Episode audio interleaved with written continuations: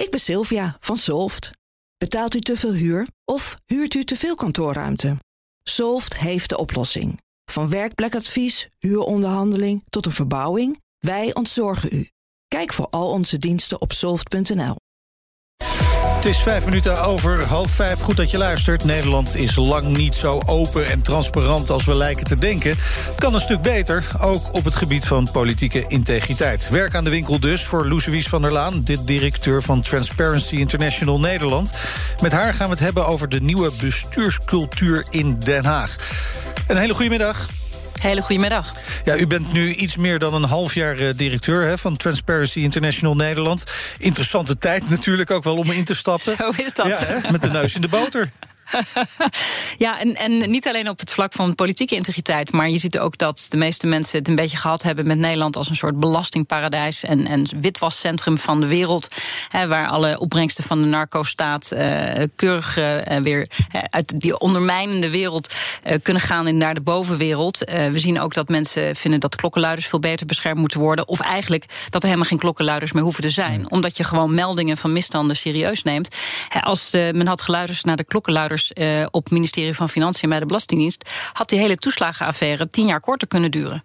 Ja. Is het nou zo dat Nederland het echt slechter aan het doen is op dit soort lijstjes, maar zeggen? Of hebben we al veel te lang gedacht dat we het eigenlijk wel goed deden? Ja, dat is een goede vraag. Ik vind wel dat wij een soort zelfbeeld hebben van... nou ja, dat zijn een beetje Afrikaanse toestanden... en dat gebeurt hier allemaal niet. Um, en dan uh, is men op een gegeven moment heel verbaasd als er in Limburg allerlei dingen mis blijken te zijn. En dan is men heel erg verbaasd met zo'n toeslagenaffaire. Dus ik denk dat we ook een wat realistischer beeld van onszelf mogen hebben. Um, en dat we de hand in eigen boezem moeten steken. Um, en het feit dat we hier niet uh, iemand hoeft om te kopen om een rijbewijs nee. te krijgen of een plekje in het ziekenhuis, betekent nog niet dat hier alles verder op orde is. Dus laten we gewoon datgene doen wat wij moeten doen om te zorgen dat onze democratie en onze rechtsstaat geborgd zijn. En dat uh, corruptie geen kans krijgt. En ondertussen ook uh, ja, soortgelijke bewegingen steunen in andere landen. Want kijk, mijn collega's in Rusland en Hongarije, die, uh, die hebben het veel moeilijker. Um, ja. Die kunnen hier niet zo vrij voor de radio zitten en, uh, en dingen aanklagen. Nee, nou, wat dat betreft doen we het hier natuurlijk wel wat beter dan sommige andere landen. Maar goed, een goed voorbeeld kan goed volgen. Tweede Kamer is de eerste, de huidige Tweede Kamer, hè, die valt onder hun eigen gedragscode, nieuwe gedragscode. Heeft u de verwachting dat dit een positief effect gaat hebben?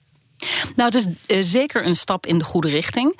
Wat, je, wat je merkt is dat eigenlijk die regels die, die ervoor zijn om belangenverstrengeling te, tegen te gaan. En dan hebben we het over dingen zoals het registreren van cadeautjes die je krijgt, of reizen die je krijgt aangeboden, uh, of nevenfuncties die je hebt, nevenverdiensten. Nou, dat willen we gewoon transparant gerapporteerd zien, zodat mensen weten of uh, Kamerleden stemmen uh, in het publiek belang of wat ze hun partij hebben beloofd, of dat ze misschien toch een persoonlijk voordeel erbij hebben. Het zijn hele simpele regels, maar die werden helemaal niet gehandhaafd. Hè. Dan, dan op een gegeven moment zei uh, de voorzitter van de Tweede Kamer: zei, Nou, meneer Baudet, u heeft een snoepreisje aangenomen naar Ibiza, maar dat heeft u niet gemeld. Ja, en daar was dan de kous mee ja. af. Dan kon, kon je verder niks. Nou, de bedoeling is dat het nu, dit college van toezicht, dat die dan een soort advies kunnen geven als er inderdaad een van de regels niet nageleefd wordt. En dat er dan ook een sanctie kan komen. Maar die sanctie moet weer door de Tweede Kamer zelf worden opgelegd. En dat is natuurlijk een risico. Want ja, het is een Tweede Kamer en er spelen allerlei politieke ja. dingen. En stel dat de sanctie zou zijn een maand schorsen. Ja, dan kan het wel eens een politiek handjeklap worden. Dat ze zeggen, nou, deze persoon hebben we eigenlijk wel nodig in dat debat. We zien het door de vingers. Terwijl als het iemand van de oppositie is, dan zeggen ze, ach joh, laat maar, die gaan we gewoon een maand schorsen. En dat moet je niet hebben. Je moet bij integriteitsvraagstukken moet je nooit vermengen met, met politieke opportuniteit. Nee, en dan kom je eigenlijk uh, gelijk bij de discussie over de nieuwe bestuurscultuur, hè, natuurlijk. Een hele interessante en misschien ook wel nodige discussie. Alleen de vraag is natuurlijk, wat verstaan we daaronder? Wat is dan die nieuwe bestuurscultuur? Het is een hele goede vraag, want het is een ongelooflijke complexe materie. Um, wat wij in ieder geval belangrijk vinden, is, er zijn een paar elementen. Eén is uh, transparantie, dat je dus weet dit soort dingen. Van bijvoorbeeld uh, ministers die afspraken hebben uh, met lobbyisten.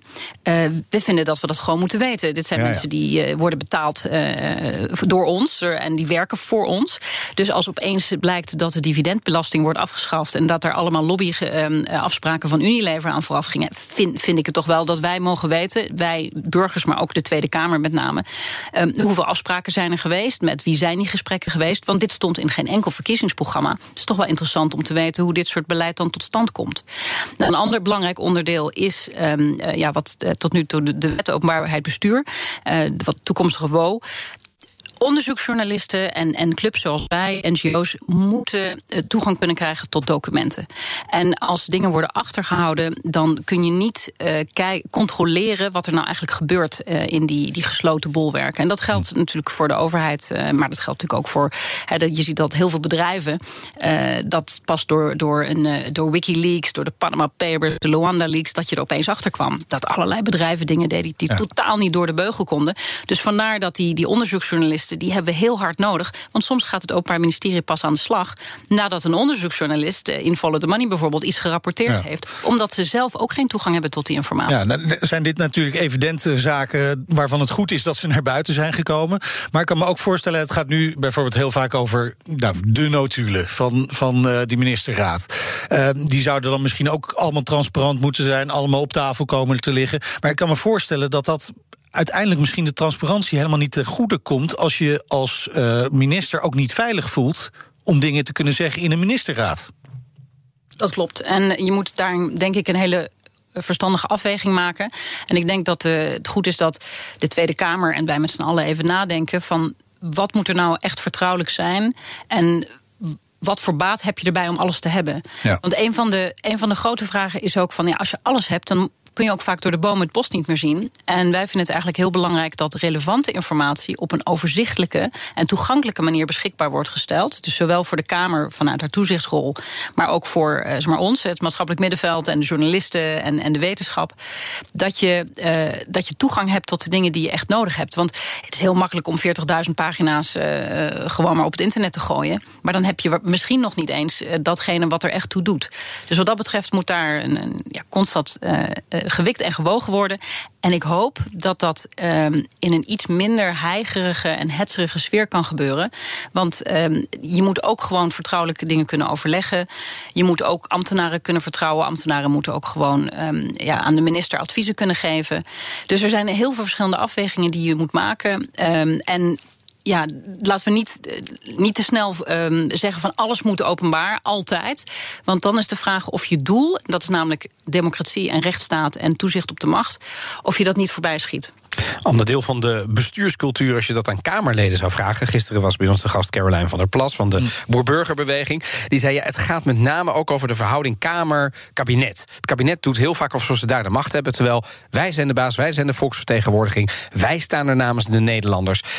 En zolang het kabinet, dat, dan doen ze op het huidige demissionaire kabinet, maar zolang ze dat niet erkennen en, en dient ten gevolge handelen, zeg ik dan maar even in, in mijn eigen woorden, dan verandert die bestuurscultuur niet voor ons, maar ook niet voor de Nederlander. Hoe kijkt u daar tegenaan? Nou, het is interessant, want ik heb daar eigenlijk geen seconde over getwijfeld dat de Tweede Kamer de baas is. Want het Nederlandse volk is de baas. Die kiezen de Tweede Kamer om dat uh, in de praktijk te brengen. En de Tweede Kamer beslist wie de minister is, wie de minister-president is. Dus ja, ik ben ook Kamerlid geweest. En er was in ieder geval bij onze fractie nooit enige twijfel over dat wij de baas waren over de ministers. Um, als dat nu veranderd is, of als dat door sommigen zo ervaren wordt, dan is het ook heel belangrijk om zelf te kijken wat ze kunnen doen uh, daaraan. Om, om die ja, die controle goed uit te oefenen. En een van de dingen, en dan, wat dat betreft heb ik het wel met mevrouw Van der Plas en ook met de andere kleine partijen eh, te doen. Je hebt nauwelijks ondersteuning als Tweede Kamerlid. En uh, je hebt heel weinig medewerkers. Um, de medewerkers van de Tweede Kamer zijn, zijn al bezig met het Tweede Kamerwerk. En als je alleen al kijkt naar de verschillende e-mails die je krijgt, de honderden e-mails vaak, met burgers die. Uh, ja, misschien wel de volgende, uh, volgende toeslagenaffaire melden of andere dingen waarvan je denkt, hier moet je echt wat mee. Hm. Je hebt gewoon niet de, de capaciteit om, om überhaupt die mailtjes te lezen. Als je ook nog de moties en de, en de debatten en de algemene overleggen en, en, en de interrupties en al die andere dingen wil doen. En ik denk dat daar echt wel een, een, een mogelijkheid ligt voor de Tweede Kamer uh, om, ik zou het bijna op, op zijn Amerikaans doen. Hè. Een Amerikaanse member of Congress die heeft 30 medewerkers in, zijn, uh, in, in de hoofdstad en 30 in zijn constituency. En als jij een brief stuurt aan, aan een Kamerlid vind ik eigenlijk dat je een persoonlijk antwoord moet krijgen. Want dat is ook heel belangrijk voor het, uh, voor het vertrouwen van mensen in de democratie. En voor het werk dat de Kamerleden doen. Want daar kan de volgende een hele serieuze klokkenluider bij zitten die nog niet gehoord is. En als, als we daar niks mee doen, dan zijn we straks weer tien jaar verder. Hoe dan ook, de discussie ligt op tafel. Hè. We, we, we, praten erover, ook nu weer. En eh, bij de formatie wordt er ook over gesproken. Heeft u het gevoel dat we in ieder geval in een, ja, maar zeggen, opwaartse trend zitten? Dat die nieuwe bestuurscultuur echt kan verbeteren nu? Nou, daar zijn we met z'n allen bij. En uh, waar, daarom vind ik het ook heel goed dat jullie er aandacht aan besteden. Ik denk dat het moet. Um, je ziet gewoon dat uh, er, het begint gewoon een beetje te, te schuren met het idee over het vertrouwen in de politiek. Uh, al die verhalen over integriteitsschendingen. Um, een, een huis voor de klokkenluiders dat om, om, vanwege de manier waarop de wet in elkaar zit, nog niet alles kan doen wat ze zouden willen en kunnen doen. Um, mensen die, die het gehad hebben met de, de macht van criminele organisaties, een advocaat die op straat wordt doodgeschoten. We zijn echt op een keerpunt beland. En dit is een waanzinnig mooi moment, juist voor deze Tweede Kamer en een toekomstig kabinet, om te zeggen van ja, nu moet het, moet het echt anders. En daar heb je een voorbeeldfunctie in als overheid en als politiek. Maar je moet ook gewoon hele strakke beleidskeuzes maken. En zeggen er komt nu een deltaplan tegen witwassen. We willen niet een centrum zijn van allemaal brievenbusfirma's die, uh, die, die duistere geldstromen faciliteren. We willen dat er geen klokkenluiders meer zijn, omdat er een veilige meldcultuur is, waardoor misstanden gewoon aangepakt worden. En, en we, we pikken uh, politieke integriteitsschendingen niet meer. Nou, en daar zijn we met z'n allen bij. En ik hoop, want anders is het ja, dat is zo frustrerend. Dan is er zo'n toeslagenaffaire en iedereen zegt hm. het moet anders. Dus laten we het nu ook doen, want dan hebben we er tenminste iets aan gehad. En het is al verschrikkelijk genoeg wat er gebeurt. Zo is dat. Hartelijk dank, Loes van der Laan, directeur van Transparency International. Nee. Ik ben Olivier van Solft. Betaalt u te veel huur of huurt u te veel kantoorruimte? Solft heeft de oplossing. Van werkplekadvies, huuronderhandeling tot de verbouwing. Wij ontzorgen u. Kijk voor al onze diensten op soft.nl.